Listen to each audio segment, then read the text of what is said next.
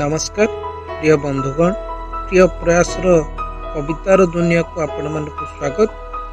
ମୁଁ ପ୍ରିୟରଞ୍ଜନ ବିଶ୍ୱାଳ ଆପଣମାନଙ୍କ ପାଇଁ ନେଇ ଆସିଛି ଆଜି ଏକ ନୂତନ କବିତା ଯାହାର ଶୀର୍ଷକ ହେଉଛି ବଢ଼ିଯାଏ ଅନ୍ଧାରର ଅବଧି। ହଁ ବନ୍ଧୁ ଆଜିର କବିତାର ଶୀର୍ଷକ ବଢ଼ିଯାଏ ଅନ୍ଧାରର ଅବଧି।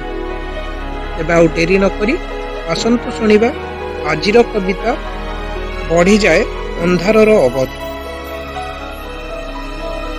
ବଢ଼ିଯାଏ ଅନ୍ଧାରର ଅବଧି ବଢ଼ିଯାଏ ଅନ୍ଧାରର ଅବଧି ତୁମେ ଚାଲିଗଲେ ଦୂରେ ଭୁଲିଛି ଆଜି ନିଜର ପରିଧି ଭୁଲିଛି ଆଜି ନିଜର ପରିଧି ତୁମକୁ ପାଇଲା ପରେ ତୁମେ ବନ୍ଧୁତ୍ୱରେ ପଡ଼ିଛି ବନ୍ଧା ତୁମ ବନ୍ଧୁତ୍ୱରେ ପଡ଼ିଛି ବନ୍ଧା ହୃଦୟ ମୋ ଗୋଲକ ଧନ୍ଦା ଯେମିତି ଭ୍ରମର ରଜନୀ ଗନ୍ଧା ଯେମିତି ଭ୍ରମର ରଜନୀ ଗନ୍ଧା ଭାବରେ ଭାବରେ ବନ୍ଧା।